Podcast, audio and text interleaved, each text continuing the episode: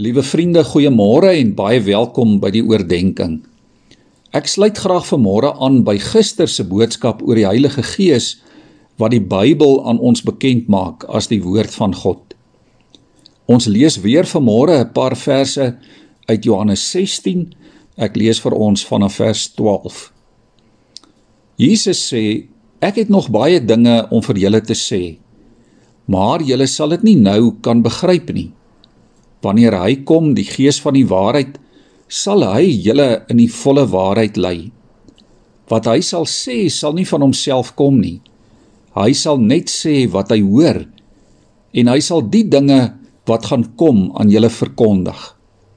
Hy sal my verheerlik want wat hy van my ontvang sal hy aan julle bekend maak.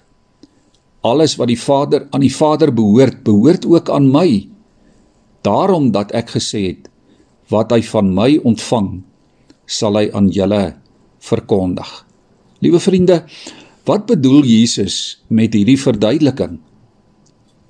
Toe jy en ek kinders was, het die meeste van ons waarskynlik iewers op 'n stadium die speletjie telefoontjie gespeel. Dit behels dat 'n klomp kinders in 'n ry staan. Die kind op die punt dink dan aan 'n woord of aan 'n sin en hy fluister dit in die kind langs aan se oor. Die tweede kind fluister dan dit wat hy of sy hoor in die oor van die volgende kind en so gaan die boodskap al in die ry af.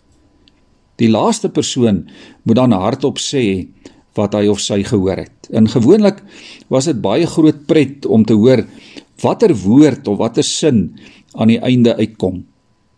En gewoonlik was dit glad nie wat die oorspronklike persoon gefluister het nie.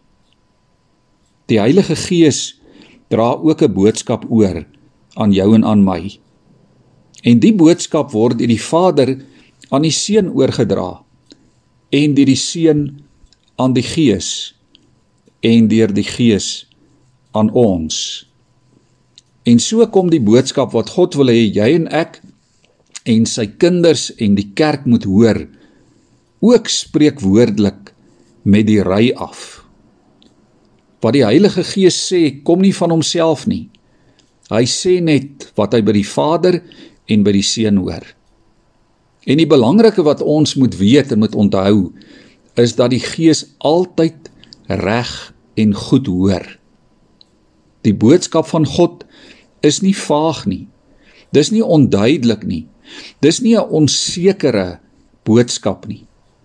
Die woord van God kan nie deur homself verdraai of verander word nie. Die blye boodskap word nie in onsekere of verwarrende taal verkondig en bekend gemaak nie.